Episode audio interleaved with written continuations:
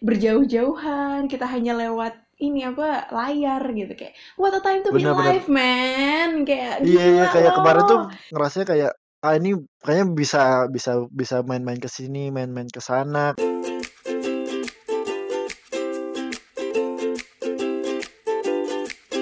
Podcast kah? podcast kah Podcast kah? podcast kah Podcast kah? podcast kah Eh. halo Halo, halo halo kembali halo, lagi halo, di podcast halo, episode 4 bareng aku Yeay. Inun. dan ada aku Faras di sini ada suara Asik, mesra. asik, asik. Aduh, kita kembali lagi ya udah setelah melewati tiga episode sebelumnya iya dan berbagai ba- banget macam cerita. Kita kembali datang untuk menghibur teman-teman semua dengan episode keempat ini. Benar banget, dan di episode keempat ini, seperti yang kita sudah janjikan dari kemarin-kemarin, padahal aku juga nggak tahu aku berjanji ke siapa, kita nggak bakal, kita akan keluar segmen pelan-pelan. Jadi kan dari episode 1 sampai 3 kemarin kita ngomongin Balikpapan ya, sekarang kita mau ngomongin Iya, topik yang lebih universal gitu, yang biar lebih banyak orang yang relate gitu ya, Nun. Kita Bener, jujur biar tapi semua kita, teman bisa bisa dengerin semua ya. Jadi nggak nggak cuma teman-teman dari Balikpapan aja, tapi teman-teman dari daerah lain biar tahu juga gitu. Benar, jadi kita mau kenalan juga sama teman-teman yang lain gitu. Dan buat teman-teman yang baru gabung, maksudnya kayak baru denger kita di episode 4, hai! Hai Halo, teman-teman. salam kenal yang baru mendengarkan. Iya, salam kenal. Terus dengarkan kami ya, biar numbernya makin tinggi ya, Nun. ya. Biar kita jadi Mantep, artis, Nun. yes, yes. Kagak-kagak bercanda. Amin. Sebelumnya kita kayaknya perlu ngasih tahu dulu deh buat Mm-mm. teman-teman yang baru datang atau mungkin yang Mm-mm. udah biasa dengerin kita sekarang kondisinya masih sedang berjauhan antara aku Paras kita sedang physical distancing jadi mungkin Bener kalau misalnya ada distorsi-distorsi teknologi atau mungkin kita tabrakan saat berbicara jadi harap Bener. dimaklumi ya. Iya, biasanya habis kita ngomong kayak gitu, kita tabrakan sih. Biasanya. Tapi semoga enggak ya. Ah, Ya kita lihat nanti ya. Iya, jadi kamu masih WFH, Nun? Atau gimana nih? Kalau di kantorku sih diperpanjang sih WFH-nya apalagi di Jakarta ini lagi ada PSBB juga kan semakin Yep. diperpanjang jadinya mau nggak mau Mm-mm. akhirnya kita diperpanjang sampai bulan Mei eh tanggal apa ya 22. Pak? Mei. Iya, Benar, Mei benar banget. 22. Yes, Mm-mm. diperpanjang. Kalau kamu juga kayak gitu ras WFH-nya gimana kondisinya? Aku masih sama sih. Jadi eh, Heeh. satu hari work from home, satu hari work from office. Jadi kayak ganti-gantian, selang-seling gitu setiap hari. Jadi satu minggu Terus tuh aku pasti pulang ke perginya gimana? kantor. Naik motor punya temanku. Oh, Iya, iya soalnya nggak ada iya. nggak ada ojol kan, jadi kayak pinjam. Ah, Kebetulan benar. kosku pulang ke mudik eh, sebelum Hmm, kemarin hmm. la- apa larangan mudik diturunkan. Eh, jadi aku bisa pinjam motornya. Begitu. Terima kasih temanku kalau kalau kamu mendengarkan podcast ini. Siapa namanya, Res? Namanya Nabila. Ah, terima kasih Nabila. Nabila. BTW, jadi memang di episode kali ini kita tuh mau ngomongin soal ini ya Nun ya kayak situasi yang terjadi sekarang gitu kayak Benar, benar. gimana perasaan kita, gimana kita menghadapi ini dan kemarin juga sebenarnya kita udah live station di Instagram ya untuk yang pertama kalinya dan jujur terharu untuk Wow. untuk podcast kecil seperti Upil seperti kita ini yang disentil-sentil. Eh, terharu sih Iya, teman-teman pada aktif dan pada mau join apa join live session sama kita dan dari situ benar-benar nggak kemarin nggak kaget hmm, sih ada yang mau ada yang mau ikut, apalagi ada yang benar-benar benar nonton sampai habis. iya loh makasih banyak sejam Wow, loh luar biasa kira banget, bener. Ah, aku tuh kayak mikirnya Allah paling 15 menit gak ada yang mau nonton gitu. Terus sejam sampai habis limitnya dari Instagram. Thank you, gengs. Gokil. Iya, jadi eh, dari live session kemarin kita udah menghimpun beberapa jawaban teman-teman soal apa sih yang kalian rasain dan apa sih yang apa ya yang kalian lakuin untuk menghadapi itu gitu kayak perasaan-perasaan kesepian gitu gitu. Oke, sebelum kita ngomongin teman-teman nih Non, eh, respon dari teman-teman, kalau kamu sendiri gimana sih ngerasain apa namanya hal-hal yang terjadi di sekitarmu sekarang ini gitu? Kayak apa sih yang paling kamu rasain? Hmm, kalau aku mungkin ngerasainnya kayak ada hal-hal baru sih kayak biasanya Mm-mm, sebelumnya terbiasa ngomong sama orang, biasa gangguin mm-mm, orang gitu kan mm-mm. kayak sering ngobrol-ngobrol terus tiba-tiba boom gitu. Kayak kemarin kita baru bikin episode pertama ngomong Mm-mm. datang ke studio, nongkrong ke macam makan ke mana-mana terus tiba-tiba kita harus stay di rumah. Wah, Bener gitu banget, kayak. bener banget. Walaupun saya memang anaknya ini ya hashtag tim rebahan, tapi Ah, kayak ini terlalu banyak rebahan jadinya. Ah, sampai bosen ya, sampai kayak uh Bener, gitu. bener. Terus kayak, aduh, berat. Akhirnya mulai agak, ah, udah nggak asik lagi nih kayak gini-gini nih, Ah, ah, ah. gitu. Mulai-mulai merasa-merasa gitu sih, kayak ter, kayak sedikit tertekan-tertekan gitu. Oh, terus kalau kerjaan Jadi, gimana Nun? Kayak apa yang kamu alami selama WFH gitu? kalau kerjaan aku dari kantor sih sebetulnya jumlah kerjanya kayak biasa aja, maksudnya nggak nggak terlalu Mm-mm. yang tinggi-tinggi banget. Cuma aku kayak Mm-mm. ngerasa tertekan aja kan, karena nggak, kita nggak ada break. Biasanya kayak break istirahat, break Mm-mm. untuk sholat, terus kayak Mm-mm. Jadi selama dari pagi sampai sore itu kayak kerja terus kayak berat banget rasanya padahal sebetulnya kita kalau sebelumnya juga ngerasakan kayak gitu cuma mungkin karena kita ada beberapa break-break sebelumnya kayak break makan siang, break istirahat yang Mm-mm. bisa kita rasain. Tapi sekarang tiba-tiba itu kayak berjalan ya udah kalau mau break-break sendiri nggak bareng-bareng itu kayak Iya tiba-tiba bener. hmm, berat aja gitu. Gitu sih kalau aku sih kayaknya gitu sih kebanyakan ngerasanya. Kalau kamu kira-kira selama kondisi kayak gini lagi ngerasain apa sih, Res? Aku tuh kayak apa ya, lebih ke kesepian sih Nun. Sama mungkin kayak kamu kayak aku tuh ekstrovert ya. Kamu ekstrovert atau introvert? Mm-mm. Eh, aku aku ambivert tergantung Oh, oke. kebutuhan. Ambivert gitu, oke. Jadi, eh, aku mendapatkan energi dari bersosialisasi dengan orang-orang banyak gitu. Tapi untungnya, Mm-mm. eh, aku nggak full WFH gitu loh. Aku masih ke kantor. Meskipun ya di kantor kita menerapkan physical distancing juga, tapi seenggaknya Oh, mengobati kan aku face to face sama teman-teman kantorku yang kebetulan juga sedikit karena kita di split jadi dua tim gitu. Tapi kayak benar-benar mm. kesepian gitu sih Nun. Kayak apa ya? Pernah nggak sih kamu bangun tidur terus kayak rasanya tuh ngilu gitu kayak uh gitu. Pernah Di tapi abis balik nge-gym bukan balik oh ngobrol sih. Beda-beda kayaknya ya rasanya. enggak kayak cuman bangun tidur terus tiba-tiba kayak Hah? bangun terus kayak ya hari ini nggak ngapa-ngapain lagi cuman kerja dari Oh, kos gitu kayak, kayak atau kayak kamu bangun kayak hari ini ngapain ya? gitu. Atau hari ini jam berapa ya? Kayak hari ini udah jam berapa ya? Atau hari ini hari oh apa iya ya? iya bener. kayak gitu Ngerasain kayak ngerasain sih kayak tiba-tiba udah jamnya jam 10-an, jam iya 11-an padahal baru aja bangun gitu kan. benar-benar jadi kayak gitu kayak kesepiannya tuh kayak apa ya sometimes tuh merongrong gitu loh kayak ini ini terdengar berlebihan ya tapi kayak Heeh. buat orang yang extrovert ya introvert pun juga pada satu titik mereka butuh sosialisasi ya. Tapi aku yang biasanya bahkan dalam weekend itu harus keluar kayak aku nggak bisa di kosan Heeh. aja sekarang aku dipaksa untuk di kosan aja gitu. Jadi kayak oh my god gitu. Dan rasanya tuh kayak wah gila nih kalau lama-lama. Kayak kamu bayangin gak sih kayak sebulan yang lalu kamu pasti nggak bayangin kalau kita tuh akan ada di saat yang saat sekarang gitu loh yang kayak kita nggak ketemu siapa-siapa kita kayak berjauh-jauhan kita hanya lewat ini apa layar gitu kayak what a time to be Bener-bener. alive man! Kayak gila loh! Kita sebagai Iya manusia iya s- kayak kemarin tuh ngerasanya hmm, kayak ah ini kayaknya bisa bisa bisa main-main ke sini, main-main ke sana. Kayak kita sampai iya kemarin pernah bikin grup buat main ke Bogor yang ujungnya hanya jadi grup iya. doang gitu kayak iya dasar Andreas wah tiba-tiba switch banget yang wah ini jadi gini rasanya kerja di rumah seharian gitu ya kayak iya. ngerasain teman-teman yang ngerasa kerjanya cuma di Ah. rumah doang gitu. Dan terus ini kita tuh kayak di huh. Dan ini tuh kayak kita dirasain satu dunia gitu loh. Kayak bukan cuman kita yang benar-benar s- yang sedih gitu kan. Tapi kayak satu dunia ngerasain dan man sekali lagi what a time to be alive. Oh ini ras jadi tadi kamu kayak ada nyebut-nyebut What Time to Be Alive.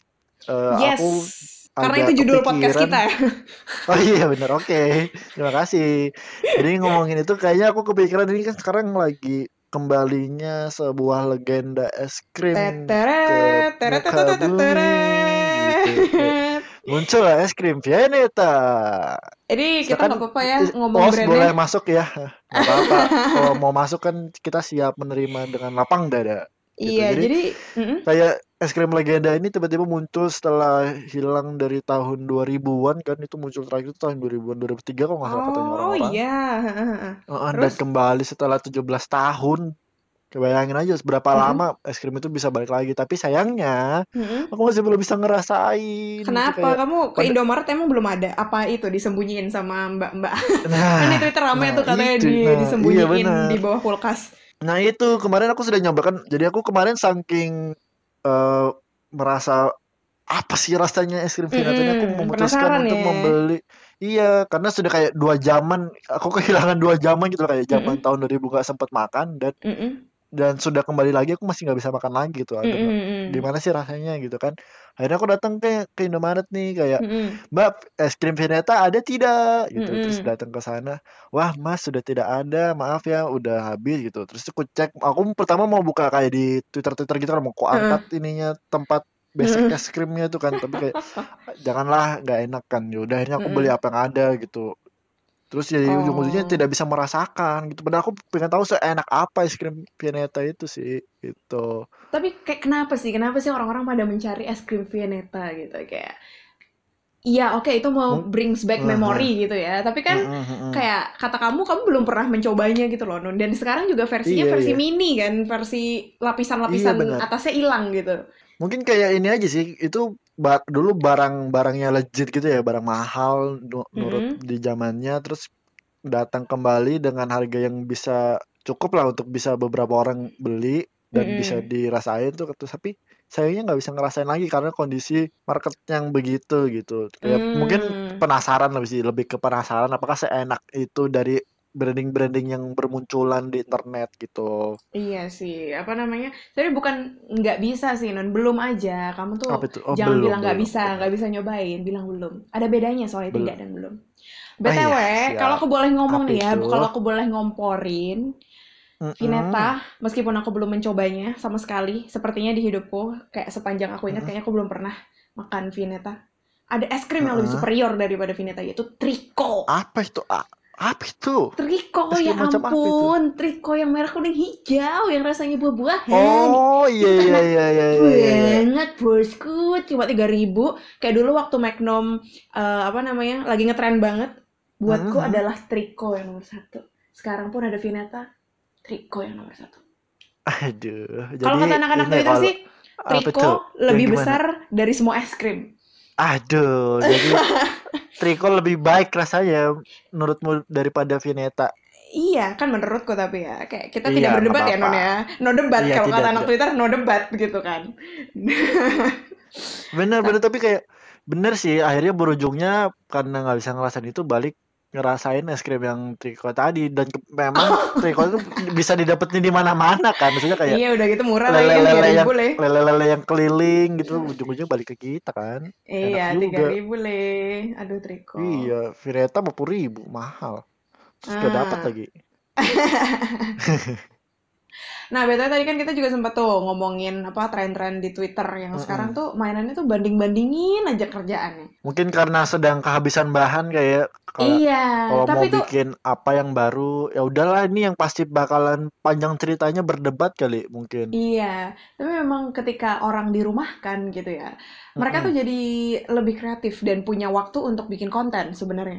Kalau aku lihat-lihat ya, benar karena benar karena setuju banyak banget setuju tem- di teman-temanku kayak bikin Mm-mm. apa ya di Gizin ngomongnya zine atau zine? Zin ya kayak ya itulah oh magazine. zin. Zin zin. Heeh. Oke, di Gizin gitu atau mereka bikin cover lagu di YouTube Mm-mm. gitu-gitu kan. Atau bikin atau podcast kayak kita bikin podcast gitu iya. ya Eh, Eh.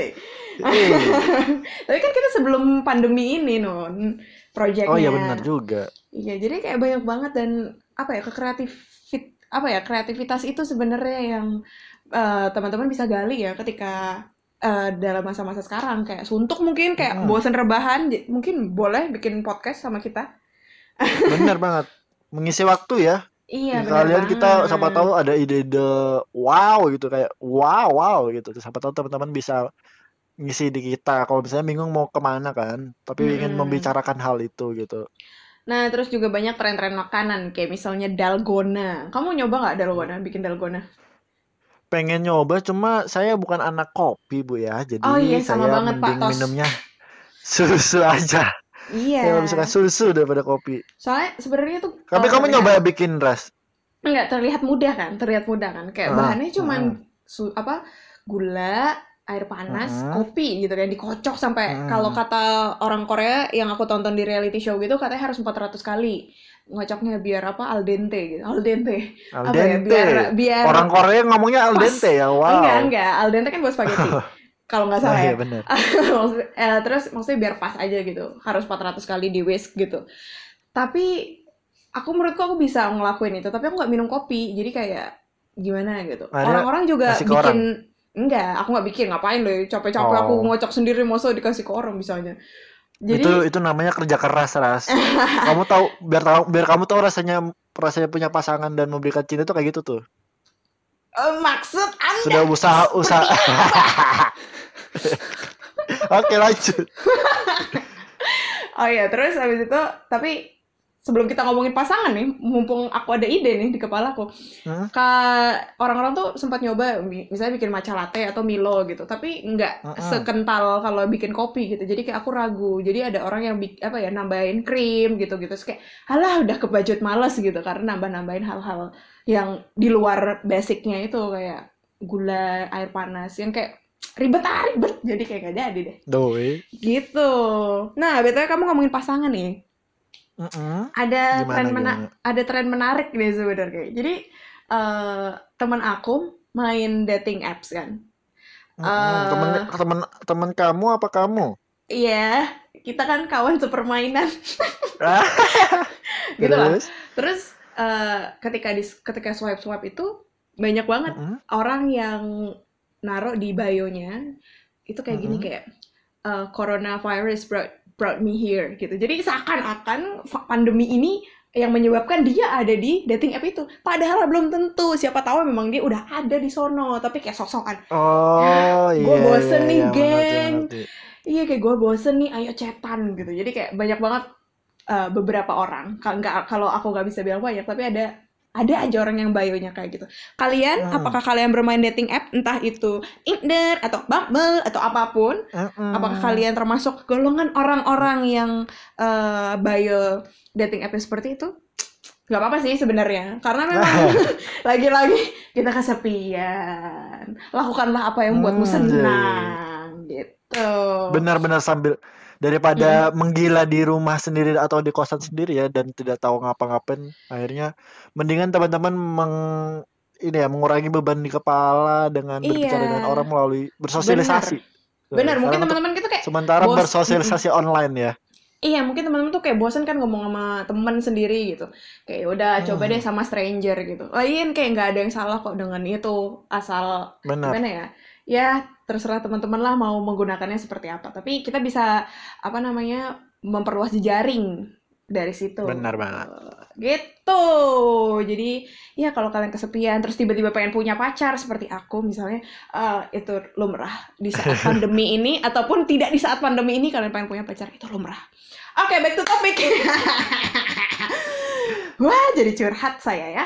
Eh apa ya Nun tiba-tiba blank aku ini ya Allah gitu. Ini balik kita gimana kalau misalnya tadi kemarin kan kita sudah sempat ini ya eh, Ini melakukan gara-gara online pacar sih. Iya, melakukan ini ya Oh eh, IG live. iya, benar. Gimana kalau misalnya kita berbagi berbagi cerita tentang apa yang udah teman-teman lain yang ngerasain waktu Iya. kita kemarin live bareng mereka gitu gimana Oke, ya? jadi kemarin karena aku admin di apa namanya di podcast Mm-mm. kali Instagram. Ini buat teman-teman yang belum follow follow ya.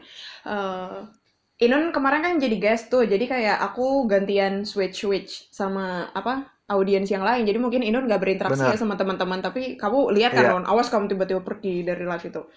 Saya Jadi sebagai pengisi yang baik tuh pasti pergi sih. kurang ajar.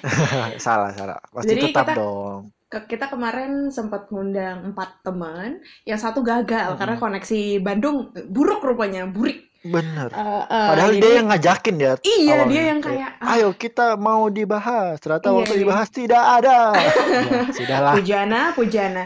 Ya, jadi yang pertama kemarin tuh yang kita berhasil terhubung, eh yang kita chat langsung, apa maksudnya kayak join live gitu. Ini adalah teman kita yang namanya Ivan gitu. Benar. Jadi Ivan ini sekarang ada di Tulungagung dan aku tanya kayak, Van apa yang kamu lakuin? Dan dia intinya yang dia omongin adalah dia mengimprove dirinya gitu. Jadi Mm-mm. meng- dia dia bilang kalau aku salah maaf ya Van tapi ini aku tangkap kayak eh, kita tuh punya waktu banyak sekarang jadi kayak eh, kalau misalnya kita nggak manfaatin berarti memang kita yang nggak disiplin gitu. Bukti maksudnya orang tuh kan kadang ngeles ya kayak aduh gue mau ini nih tapi nggak ada waktu gitu. Nah sekarang kita dikasih waktu nih banyak banget nih. Tapi kalau misalnya kita nggak ngelakuin berarti kita yang nggak disiplin gitu.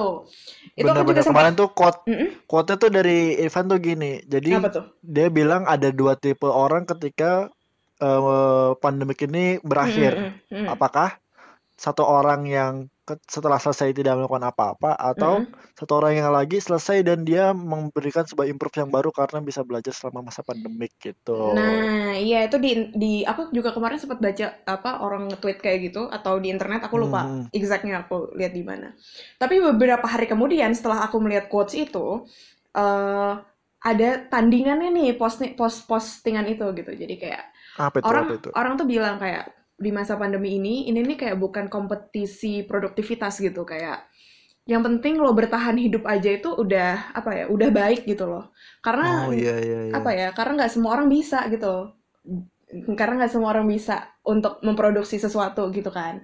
Dan memang sih bikin iri kayak orang-orang yang eh, kontennya ini itu ini itu ini itu. Dan sometimes mungkin kita kayak cuman ya elah rebahan doang rebahan doang dan bikin iri. Tapi mungkin dari sisi apa ya kesehatan mental. Mungkin ada teman-teman yang memang gak bisa gitu atau eh, sulit untuk melakukan itu. Jadi teman-teman lakukan apa yang kalian bisa dan yang kalian mau. Yang penting kalian senang yang penting kalian happy gitu. Kalau misalnya bikin konten dan jadi produktif like improving yourself makes you happy then do it. Tapi kalau misalnya itu men-trigger sesuatu eh lakukanlah hal yang buat kalian senang dan tenang aja gitu Benar-benar. jadi Kalau misalnya terlalu memberatkan, teman-teman mungkin bisa ber- memang memuaskan istirahatnya selama masa pandemik ini ya. Jadi nggak iya nggak nggak ada pemaksaan buat teman-teman harus improve, tapi teman-teman kalau bisa tetap selama masa pandemik ini selalu sehat dan iya benar banget pikirannya nggak ya tertekan banget. Benar, penting kesehatan benar pribadi. Jadi antara apa dua dua cara berpikir itu nggak ada yang salah sebenarnya. Kayak Hmm, menurut kita benar-benar. berdua ya menurut aku dan Inun yang penting kalian senang dan kalian sehat. Udah gitu aja kayak mau lakuin Yes, apa pun terserah. Asal jangan ngerugin orang. Itu doang ya Nun ya. Benar. ntar kalau misalnya kita bilang kayak "Mm, ya udah lakuin aja apa yang lo mau ntar ngerampok. Kan nggak juga ya. Eh, jadi jangan kayak dong. gitu terus yang Iya, iya, kedua iya. tuh ternyata kita dapat tamu dari kakaknya Inun Ih, aduh, saya merasa tertekan ya membuat podcast ini ternyata didengarkan oleh keluarga. jujur jujur wah, perlu hati-hati. Jujur aku kayak kaget sendiri gitu loh, gengs. Ternyata kakaknya Inun itu pendengar setia dari episode 1. Aku udah lihat nama kakaknya di Instagram Mm-mm, podcast kah udah mm. udah dari lama dari awal banget gitu. Dan kakaknya aktif banget kalau misalnya kita bikin question session gitu kayak Kak Dia terima kasih banyak atas supportnya. Gitu. Iya, memang kakak yang baik ya, cuma kadang kebaikannya ini sedikit berbahaya karena dekat sekali dengan saya. Nanti saya apa-apa jadinya tahu semua ini. Iya, jadi Tapi kalau nggak Kak apa-apa lah, namanya Mm-mm. kakak yang sayang ya. Iya dengan benar. adik. Kan monitoring supaya kamu baik-baik aja, Non. Gitu. Benar banget. Nah, jadi Kak Dia ini kalau aku dengar Kak Dia ini mulai ini ya jualan makanan ya. Ya, Katanya betul. katanya teman-temannya Inun yang kemarin ikut live itu eh, makanan di rumah Inun tuh enak-enak. Jadi kayak masuk akal kalau Kak Dia kemudian menjual hasil makanannya gitu. Benar, ini Dan sebuah mm, pembuktian ya, pembuktian dari para konsumen yang sudah pernah merasakan kenikmatan makanan o- rumahku tuh kayak memberikan testimoni testimoni akhirnya betul dia bisa masak dan rasanya enak akhirnya dia mencoba menjual ke luar gitu. Iya, apalagi apa ya di saat-saat seperti ini orang mungkin ada yang mager masak atau yang biasanya makan di luar, akhirnya jasa apa ya delivery makanan rumahan itu sangat-sangat ini ya Mm-mm, booming gitu. Kayak di Jakarta pun banyak benar. banget orang yang buka jasa makanan rumahan gitu dan itu yang ngo- ngobatin kali ya buat orang-orang yang jauh dari rumah, kayak orang-orang yang ngekos atau kerja dari rumah tuh, eh maksudnya kerja jauh dari rumah tuh bakal kebantu banget sama tipe-tipe Ya, ya betul UMKM kayak betul. gini gitu. Kemarin Kak Dia bilang salah satu menunya tuh cumi apa ya Non ya? Pokoknya cumi aja. Aku tuh kalau denger cumi langsung mengiler gitu kayak ya Cumi Allah. pedas. Iya cumi pedas. Enak ya Non ya? Kamu pernah makan kan pasti? Wah, Pak, itu sudah menu favorit sih kalau udah di rumah. Iya itulah pokoknya geng. Jadi ini mau di di tahu-tahu tahu-tahu diiklanin kan Non? Eh, boleh. Jadi buat teman-teman yang mau beli makanan di balik papan dan butuh makanan yang murah meriah tapi menendang rasanya bisa Menendang. menghubungi namanya Kakak Lailatul Mardian bisa hubungin lewat eh, DM DM DM-nya ya. di Instagram at lmr underscore dhiyah atau Mantep. nomor telepon kali ya jangan nomor telepon deh nanti nomor telepon terlalu tersebar jadi Iya, lewat silakan DM hubungi aja, lewat DM DM. aja ya Ha, lewat DM Iya, iya. Kita mendukung Kak Dia. Ciao Kak Dia. Yeay. Jangan lupa nanti sedikit-sedikit masuk sini juga ya. Gitu. Hey. Lanjut, lanjut Ras. Terus yang ketiga tuh kemarin ada Pujana. Tapi Pujana ini meskipun kemarin koneksinya buruk dan kita nggak sempat lanjut ngobrol, dia bilang, Kak, Mm-mm. Kak, aku bikin ini nih apa namanya? Aku bikin uang dari rumah. Maksudnya bukan bikin uang-uangan palsu gitu ya, geng. Maksudnya kayak ini apa? Jadi babi ngepet apa gimana? enggak enggak, dia beneran Menunggu making money gitu. Oh, Jadi dia tuh beneran. kayak kamu backgroundnya kan, desain-desain gitu kan?